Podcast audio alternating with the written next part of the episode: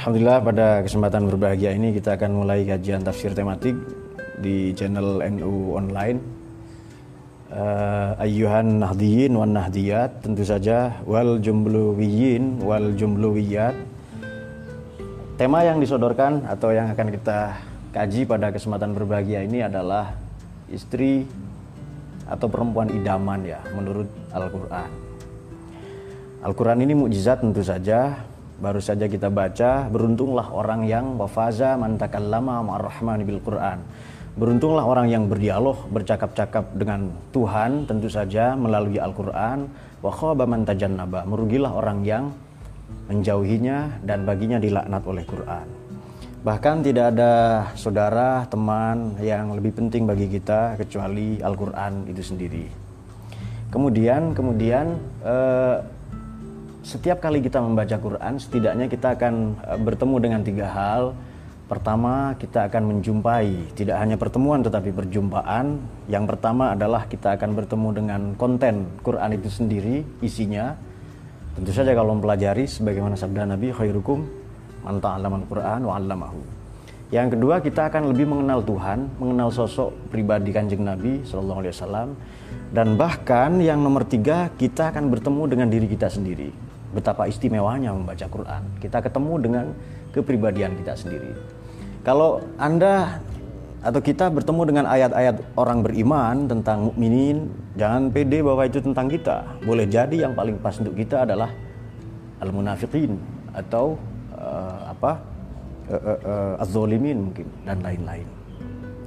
Baik, Quran ini uh, hurufnya ada 323 ribu 670 ayatnya 6236 kemudian kata itu ada 77.934 dan titiknya bahkan ada 1 juta 15.030 titik jadi ulama zaman dulu ini para ahli Quran, para mufassirin telaten banget ya, belum dengan teknik manual saja dihitung pelan-pelan.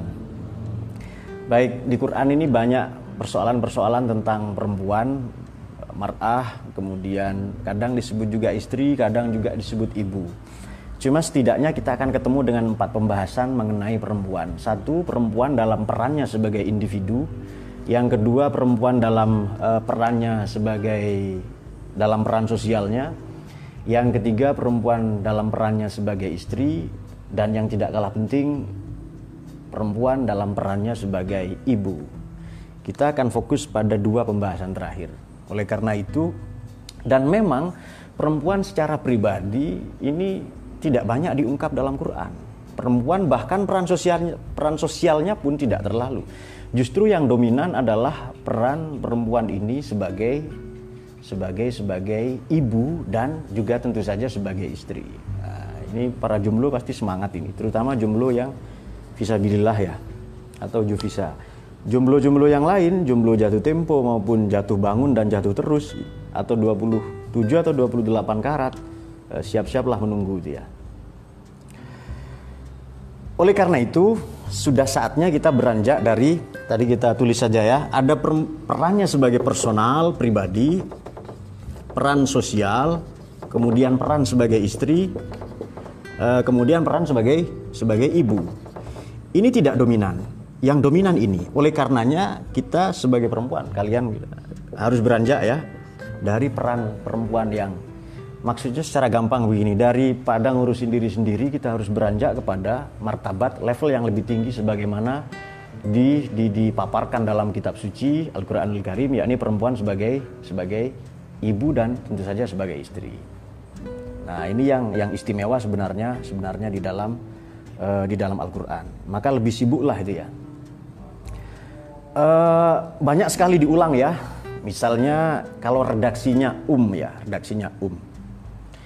Oh ya, surat Makiyah 73, Madaniyah ada 26. Misalnya redaksinya um, ummun, ibu, uh, perempuan, kemudian merah, nisa, kemudian dengan hak-hak reproduksinya itu banyak sekali diulang dalam uh, dalam Al-Qur'an. Uh, salah satunya, salah satunya adalah misalnya misalnya dalam Luqman 13 sampai 15 dalam dalam Ahqaf ayat ke-15 dalam Luqman itu bunyinya begini wasanal insana biwalidayhi hamalathu ummuhu wahnan ala wahnin wa fisaluhu fi amain. Ini jelas perempuan dalam perannya sebagai um sebagai ibu. Mengandung menyusui kemudian eh, bahkan menyusui ini padanannya adalah sesuai dengan hadis Nabi yakni bagaimana itu? Fi kulli masatin mi'atu hasanatin dalam setiap sedotan anak. Anda kok serius melihat? Dalam setiap sedot anaknya menghisap itu sekali ada 100 kebaikan. Orang-orang macam Hamzah dan siapa? Jayadi ini akan membayangkan bagaimana kalau nyusu terus sampai SMA ya kan? Berapa pahala ibunya.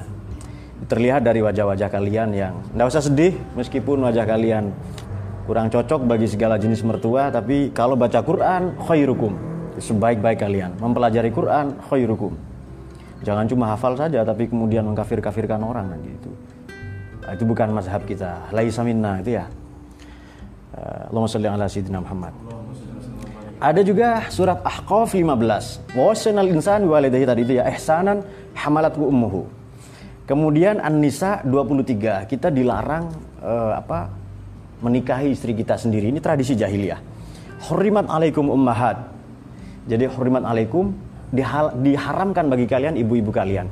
Dalam tradisi jahiliyah ini ada empat jenis pernikahan. Pertama adalah pernikahan karena warisan bapaknya mati. Jadi otomatis dia. Kemudian pernikahan karena suka sama suka dan tidak diikat hubungan apa-apa, hanya nikah saja itu. Dan itu sepertinya ter, apa berlangsung sampai sekarang. Tradisi itu namanya apa? Kumpul jerapah atau kumpul kebo atau apalah namanya itu ya, yang kalian tahu semua. Jangan pura-pura enggak tahu, Om. Kalian kenal semua dengan siapa? Umun-umun tadi itu ya. Umul Mayyabi tidak ada di Quran.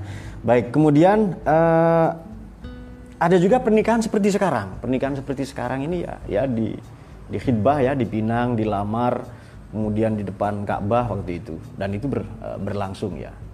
Jadi ada juga satu yang ekstrim itu mohon maaf ya. Jadi perempuan ini bergaul dengan 10 sampai 20 orang laki-laki suka sama suka. Nanti si perempuan begitu hamil menunjuk salah satu di antara mereka 20, 10 atau 20 orang itu dan itu diklaim sebagai bapaknya. Nah, Al-Quran menghapus tiga-tiganya hanya satu yang diteruskan dan tidak sampai sekarang. Makanya istimewa sekali ya perempuan ini ibu kita. Perempuan ini konon adalah adalah pancaran Tuhan yang paling paripurna. Jadi kalau engkau ingin melihat melihat Tuhan di dunia ini dalam tanda kutip ya, maka lihatlah perempuan itu. Dan biasanya orang-orang yang pinter langsung tidak ilmiah kalau ketemu perempuan itu, langsung tidak ilmiah itu. Maka sebagai filosof atau sebagai ilmuwan, jangan terlalu ilmiah mencintai perempuan itu. Sebab tidak seorang pun tampak gagah di hadapan di hadapan wanita. Kalau tidak percaya, buktikan begini saja. Polisi lah, siapa yang gagah? Polisi atau tentara ya, apalah preman atau apa yang gagah-gagah itu. Di hadapan di hadapan istrinya, dia tiba-tiba menjadi menjadi apa ya? Ciut itu kadang suruh nyuci piring. Ya nggak apa-apa. Kalau memang istrinya sibuk nggak apa-apa. Gitu. Suami-suami yang pak hot papa atau apa namanya sih zaman sekarang dia. Al Mujadalah ayat 2 Ahzab 4 ada juga di surat Abasa. Ini tentang kehidupan di mana kita lari dari peristiwa di momen hari kiamat Bismillahirrahmanirrahim yauma yafirul mar'u min akhi wa ummihi wa abihi wa sahibatihi wa bani likulli imri'in yauma idzin sya'nun yughni Orang nanti lari ya, ini bukan peristiwa kiamat sebenarnya sekarang terjadi lari dari saudaranya, dari bapak, dari ibunya, dan masing-masing hanya sibuk dengan sya'nun yughni, urusan-urusannya sendiri-sendiri. Uh, dan itu terjadi. Likulli imri'in minhum yauma idzin sya'nun yughni. Ada A'raf ayat 150, Toha 94, An-Nisa 11, Maryam 28, Al-An'am 92. Nah, cuma ada syuruh ayat 7. Saya akan membahas sedikit saja yakni uh, uh, uh, uh, An'am 92 yang akan kita ulas. Yang akan kita ulas adalah An'am 92, kemudian kemudian kemudian Ar-Ra'd 39 uh, ayat 39 kemudian kemudian uh, ayat Al-Maidah 75 Al-Maidah 75 kemudian Toha 40 nah, kita akan bahas ini saja.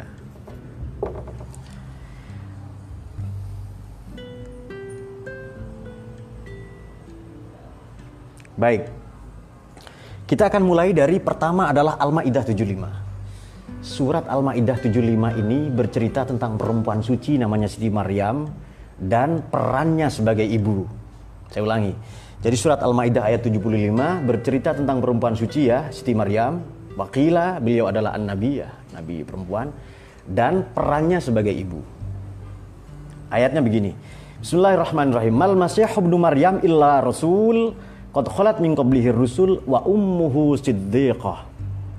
Nabi Isa alaihissalam tak lain adalah seorang utusan sebagaimana para nabi para rasul terdahulu alaihi wassalatu wassalam. Dan jangan lupa wa ummuhu siddiqah. Ibunda Nabi Isa adalah orang yang jujur.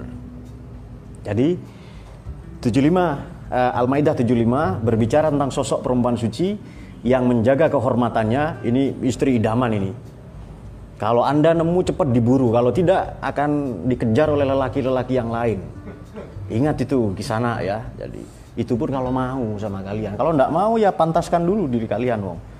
Emak-emak saja takut melihat kalian, wong, apalagi. Tapi enggak apa-apa, kalian tetap bergembira. Jadi Al-Maidah ayat 75 ini bercerita tentang sosok perempuan suci bernama Siti Maryam menjaga kehormatannya dari keluarga terpandang, keluarga baik-baik meskipun uh, sederhana dalam kehidupan secara ekonomi, kemudian sangat asketik, sangat zahid, zahidah. Tetapi, tetapi ia adalah perempuan yang siddiqoh. Jadi karakteristik pertama perempuan atau istri atau kalau anda ingin mencari istri, ini ini rahasia, jangan bilang siapa-siapa ya. eh, pria-pria, lelaki-lelaki mau menikahi perempuan itu, jangan bilang siapa-siapa ya, karena mereka melihat sosok ibu dalam diri perempuan itu. Jadi dia ada sosok ibunya ini jimat ini sebenarnya ini. Jadi kalian langsung langsung cemas biasanya itu ya. Ummuhu siddiqah, orang yang concern, orang yang jujur. Ia tidak gampang sebar hoax, tidak menyebarkan disinformasi berita atau hate speech, apalagi lah yang zaman sekarang sedang ramai di di jagat jagat medsos itu. Jadi sangat sulit sekarang ditemui. Sebab begini ya, apa medsos ini sudah tidak jujur. Ada seorang paman saya dari Prancis namanya Jean Baudrillard. Ia katakan e, kita ini sedang menghadapi medsos ya. Yang kita hadapi ini sebenarnya bukan reality bukan kenyataan tetapi ia hyper reality hiperrealitas. Seolah-olah kenyataan tapi ia tempat kita lari dari kenyataan yang sesungguhnya lalu kita apa ya bersih maharajalela di situ ugal-ugalan sedemikian rupa bebas mencaci buktinya apa ya ulama-ulama kita seperti apa Profesor Gresiha, seperti Gusmus, siapa lagi Habib Lutfi dicaci maki oleh anak-anak SMP biasanya, oleh anak-anak yang tidak pernah sekolah. Yang kata orang Betawi pipis saja belum lempeng ya kan? Tapi mereka mencaci maki sedemikian rupa. Kenapa? Mereka lahir dari keluarga yang ummuhu siddiqoh, tidak siddiqoh. Tapi Nabi Isa alaihissalam ummuhu siddiqoh. Concern pada agama, concern pada mendidik anaknya, kemudian concern dengan menjaga kehormatannya, ini siddiqah.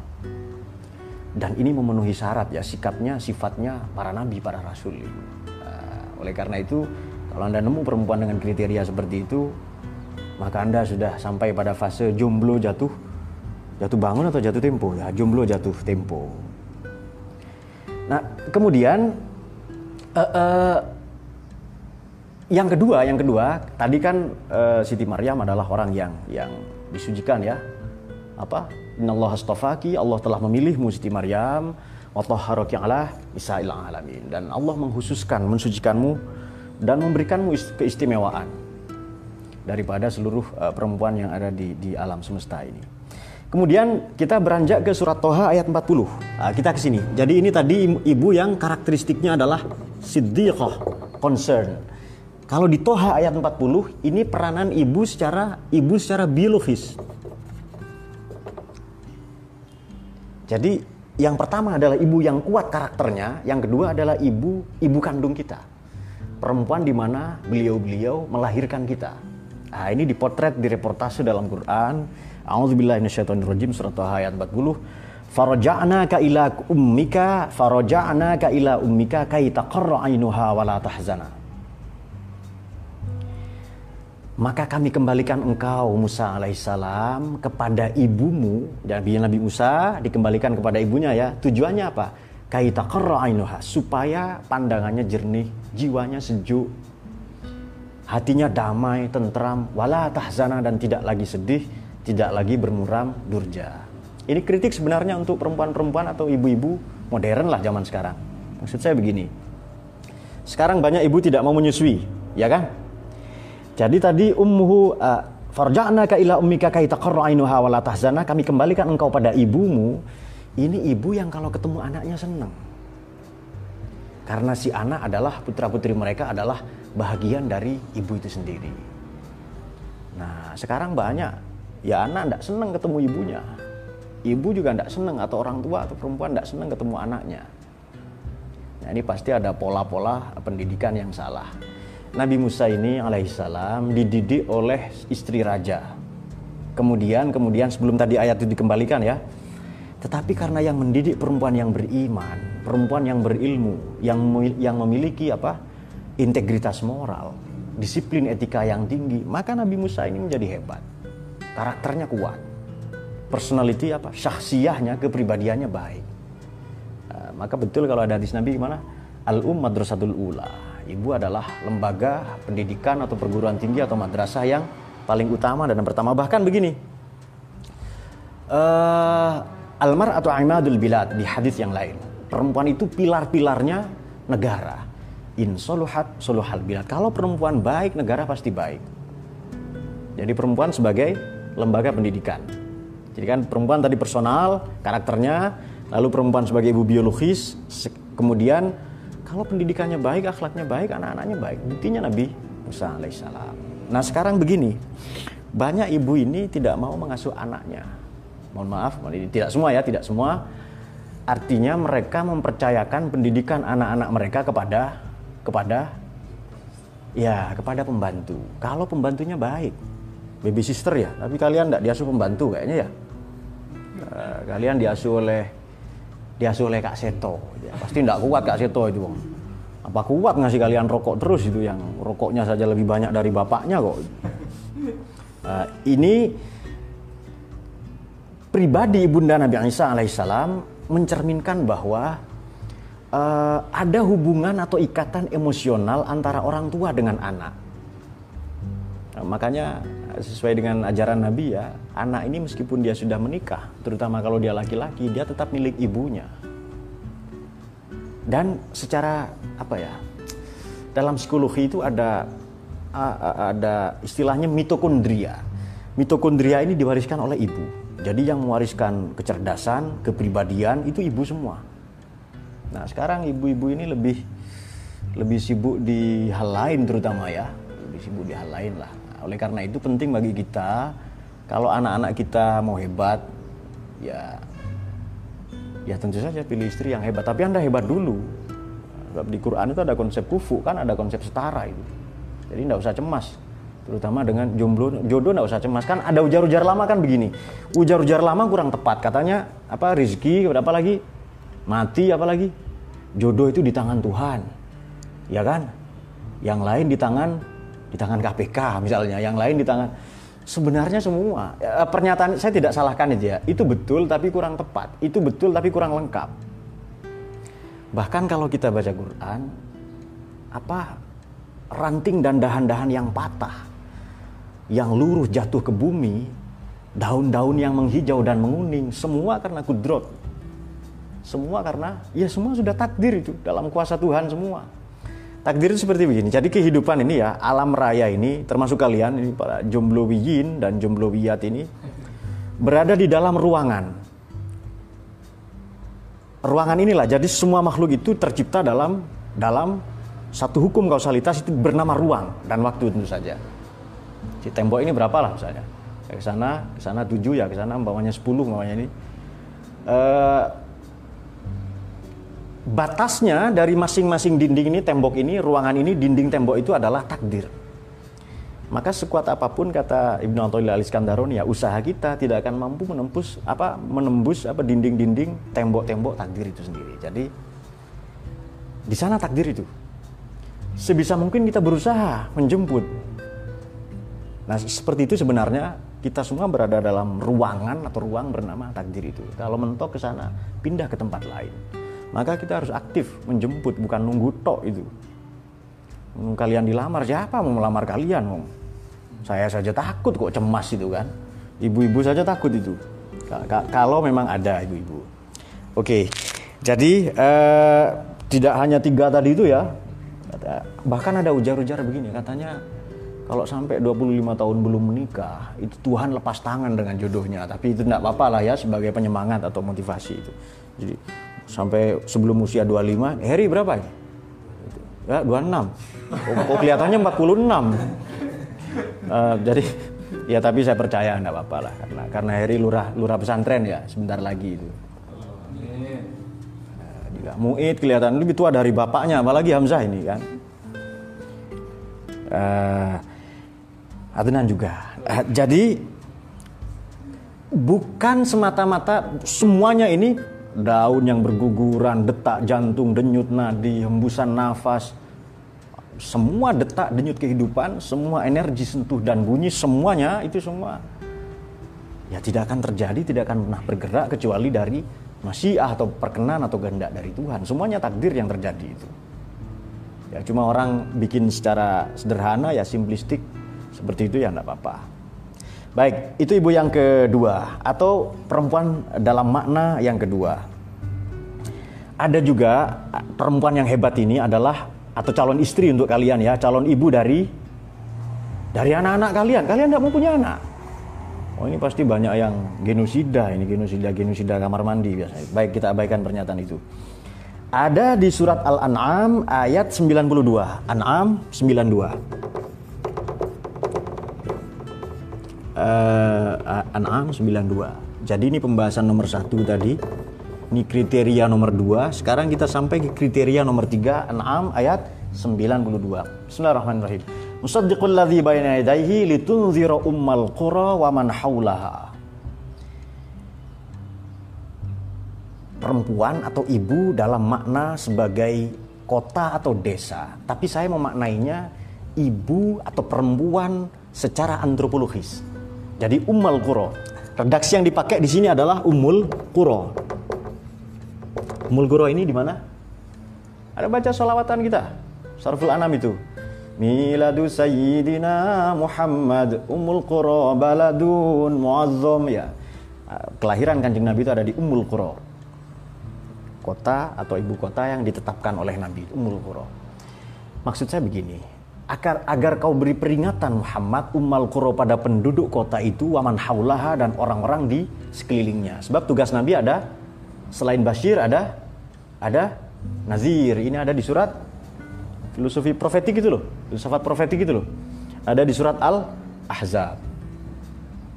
Bismillahirrahmanirrahim. Ya ayyuhan nabiyyu inna arsalnaka syahidaw wa mubasysyiran wa nadhira wa da'iyan ila Allah bi iznihi wa sirajan munira.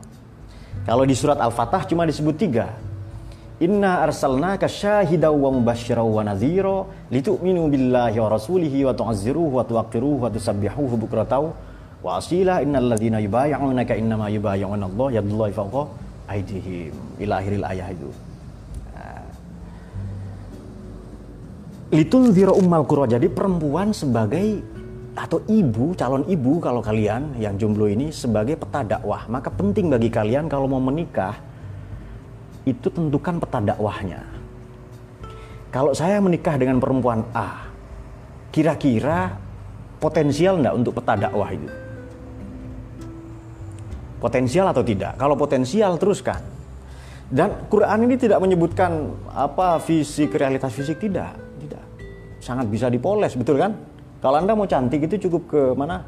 Ke Thailand, ke Korea atau ke Cina. Namanya operasi operasi plastik atau kresek gitu. Nah, operasi itu namanya.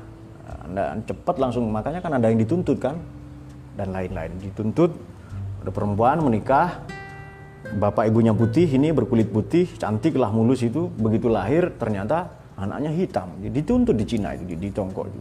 Ini anak siapa katanya? Ternyata anaknya sendiri itu. Ya saya nggak tahu mirip yang siapa, cuma salah satunya ada yang operasi plastik katanya itu. Nah, Allahumma ala sayyidina Muhammad. Jadi penting kalau Anda mau menikah, tentukan perempuan itu sebagai peta dakwah. Sebab sebab begini. Kita ini kan berharap lahirnya generasi-generasi yang hebat. Para pewaris Kanjeng Nabi. Ya kan? Orang yang menyebarkan Islam yang rahmah, yang cinta kasih. Yang menyebarluaskan tidak halus wal jamaah an-nahdiyah tentu saja. Maka penting bagi kita menentukan peta dakwahnya jadi misalnya makanya dulu kiai-kiai itu kan melarang sama dengan pesantren kita ini kan melarang kalian atau santri itu pacaran. Kiai itu kan keliling, keliling desa, kampung-kampung. Pesantren ini hampir 30 ribu dan ada di kampung-kampung jumlahnya pesantren itu.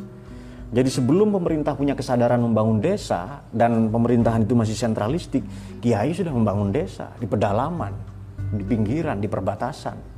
Indonesia bayangkan Indonesia punya 84 ribu desa dan kelurahan 27 ribunya belum dikelola dengan baik. Maka itu yang seharusnya menjadi garapan kalian atau kita semua kalau mau menikah dan dakwah. Ah, jadi bukan hanya nikah tok enak-enaknya tok bukan. Ah, kita kan ngaku pewarisnya para nabi.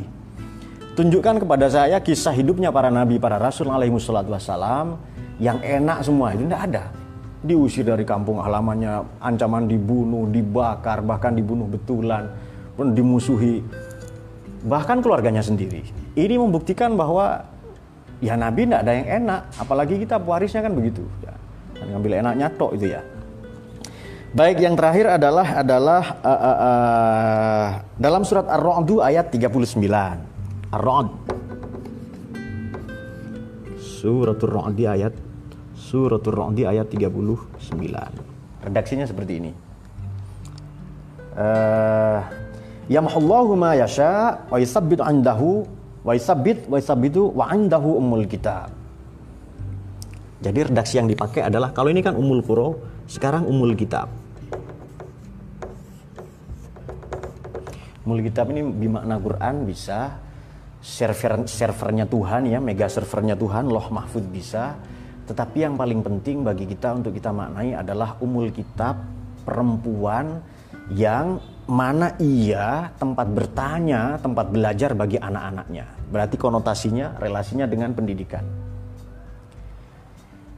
Jadi saya, saya kira begini, kalau sesuai hadis Nabi tadi ya, siapa pun pemimpin Indonesia, kalau perempuan akhlaknya baik, pendidikannya baik, tutur katanya baik, apa sepak terjangnya, rekam jejaknya, pola pikir, pola sikapnya baik, akhlaknya baik, karimah, ya pasti anak-anaknya baik. Bahkan bahkan kalau perempuan baik sesuai hadis Nabi tadi, ya kan? Almaratu aimadul bilad. In soluhat soluhal bilad.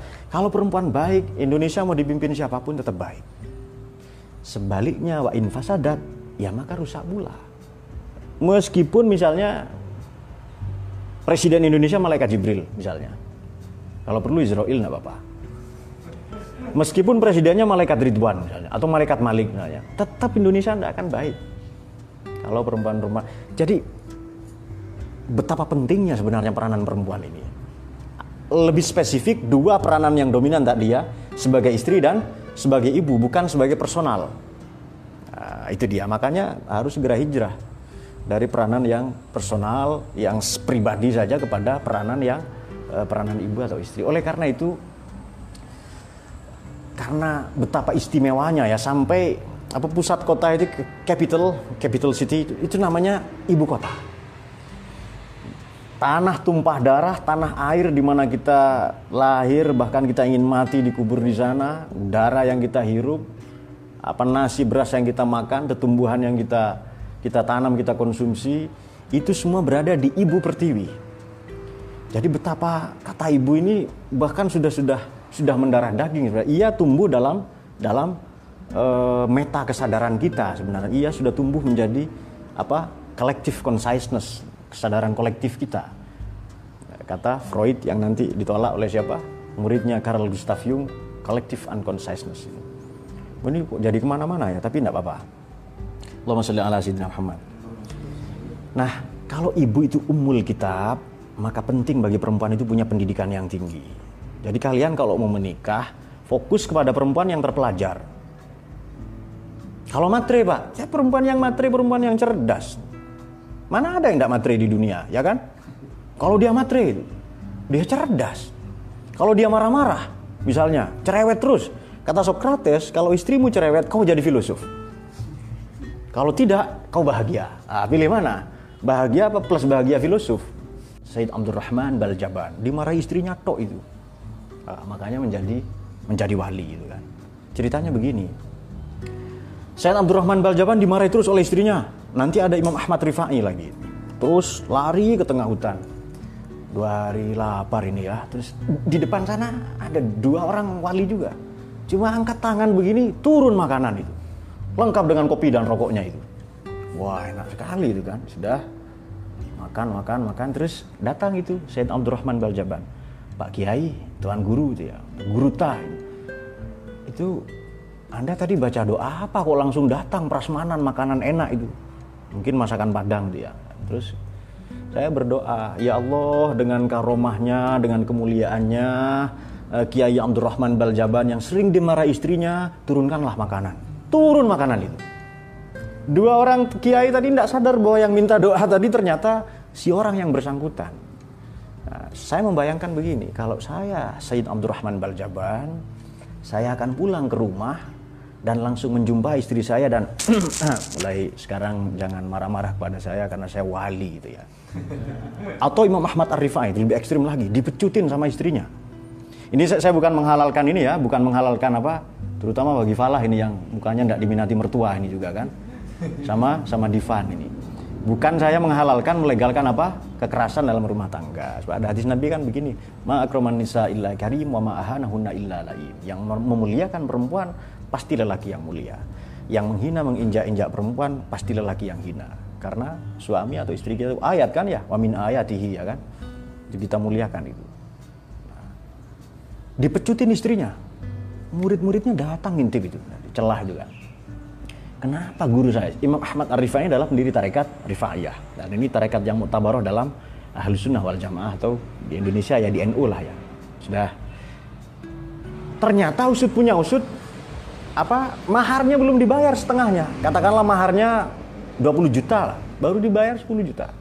500 dirham namanya, baru dibayar 250. Lalu muridnya kumpulkan donasi dan lain-lain sudah. Anehnya sebelum muridnya menyodorkan uang itu kepada sang guru, kepada Imam Ahmad Ar-Rifai, muridnya tadi mimpi ketemu Kanjeng Nabi. Jadi beliau melihat Kanjeng Nabi SAW di dalam surga bersama Imam Ar-Rifai duduk ya sedang ngobrol-ngobrol bahagia. Nah setelah itu disodorkan besoknya uang itu. Imam ini saya sodorkan uang ini kan. Sudah, sudah setelah itu disodorkan. Uang apa ini? Kami kemarin mohon maaf mengintip pembicaraan kebetulan lewat dan kami menguping. Mohon maaf kami kurang ajar atau tidak sopan tapi ini uang untuk kekurangan mahar Anda kepada ibu nyai lah ya kepada istri Anda. Jangan, jangan Kalian tidak akan pernah mimpi melihat saya di surga duduk bersama Nabi kalau saya tidak sabar menghadapi ujian ini. Jadi potensial Anda menjadi wali kalau sering dimarah-marahi. Baik, uh, saya kira kita sudah tiba di akhir pembicaraan dan dan sekarang ada yang kalian tunggu-tunggu kan doa anti jomblo kan ya. Nah, ini yang yang paling ditunggu-tunggu ini kan ada hadis Nabi ya sebelum sebelum ke jomblo itu kan ada baiti jannati ya kan rumahku adalah surgaku. Bahkan ada hadis Nabi begini, kepada ada perempuan datang kemudian Nabi sampaikan ini, "Huwa jannatuki wa naruki." Suamimu itu bisa menjadi surgamu atau nerakamu. Jadi kan kan kadang banyak suami ini marah-marah di luar ya begitu apa ya? Kemarahannya dilampiaskan ke istrinya. Di masjid barusan dia soleh itu jadi malaikat, di rumah jadi setan dia. Nah, makanya namul alim kan tidurnya orang alim, saya santai. Tidurnya orang alim lebih baik daripada ibadahnya orang bodoh. Bodoh. Kata Ibnu Ruslan kan dalam gimana itu? Wa kullu man bighairi ilmin ya'malu ya'malu amaluhu mardudatun la tuqbalu. Setiap orang yang beramal tanpa ilmu pasti ditolak. Sholatnya saja sudah salah, apalagi tidurnya kan. Nah, sudah jadi korelasi baiti jannati dengan huwa jannatuki wa naruki ini kan ada juga hadis Nabi yang lain. Bagaimana itu? Uh, lapangkanlah rumahmu, ya kan? Atau hadis Nabi yang lain, la taj'al buyutakum kuburon. Jangan jadikan rumahmu seperti kuburan. Tidak ada cinta kasih, tidak ada kemesraan, ya kan? Tidak ada sakinah, mawaddah. Wallazi anzala sakinah fi qulubil mu'minin. Di surat Al-Fatah itu yazdadu imanan. Sakinah ini bukan bukan damai, tenang, tentram tidak, tapi tenang setelah terjadi gejolak. Kok serius Harry melihat itu? Dia sering bergejolak dia itu. Tenang setelah gejolak. Ah, mawaddah penuh cinta kasih dia. Nah in, ini sekali lagi me membuktikan kepada kita bahwa eh, hidup atau biduk rumah tangga itu semua bergantung kepada istri atau perempuan yang Anda pilih. Karena mereka yang akan mendidik anak-anak Anda. Nah, doa anti jomblo yang dimaksud Anda bisa lacak, ini bukan saya ngajarin, bukan. Anda, anda lacak di surat Al-Furqan ayat 74 atau surat Furqan bagian terakhir itu. Gimana itu? Gimana itu? Bunyinya, Rabbana hablana min azwajina. Itu doa anti jomblo itu. Rabbana hablana min azwajina wa dzurriyyatina qurrata. Ada dua ulama memaknai itu. Rabbana hablana min azwajina. Ya Allah, berikanlah kami suami atau istri atau anak. Ada yang memaknai sebagian. Jadikanlah anak kami, istri kami, anak kami dan penyejuk penentram hati kami. Nah, itu dibaca sesering mungkin itu. Sampai kapan? Sampai jumlahnya jatuh tempo itu kan. Sampai berkualitas uh, jumlah-jumlah kalian itu. Saya kira itu semoga kita semua dicahayai oleh Quran. Kajian yang singkat semoga menjadi tambahan ilmu yang barokah manfaat fid dini wa dunya wal akhirah. Saya ulangi sekali lagi, jadi ibu itu ada yang ibu secara biologis, ada yang siddiqoh ya, jujur, concern, ada apa tadi umul kuro, perempuan sebagai peta dakwah kalau Anda mau menikah, kemudian umul kitab di mana kita belajar dan lain-lain tadi itu. Di samping ibu yang mau menyusui dan sebagainya tadi. Ini sekali lagi membuktikan bahwa perempuan perempuan memiliki kedudukan yang sangat istimewa di dalam Al-Qur'an. Oleh karena itu, Islam ini datang memuliakan perempuan dari sesuai dengan empat kriteria pernikahan tadi itu.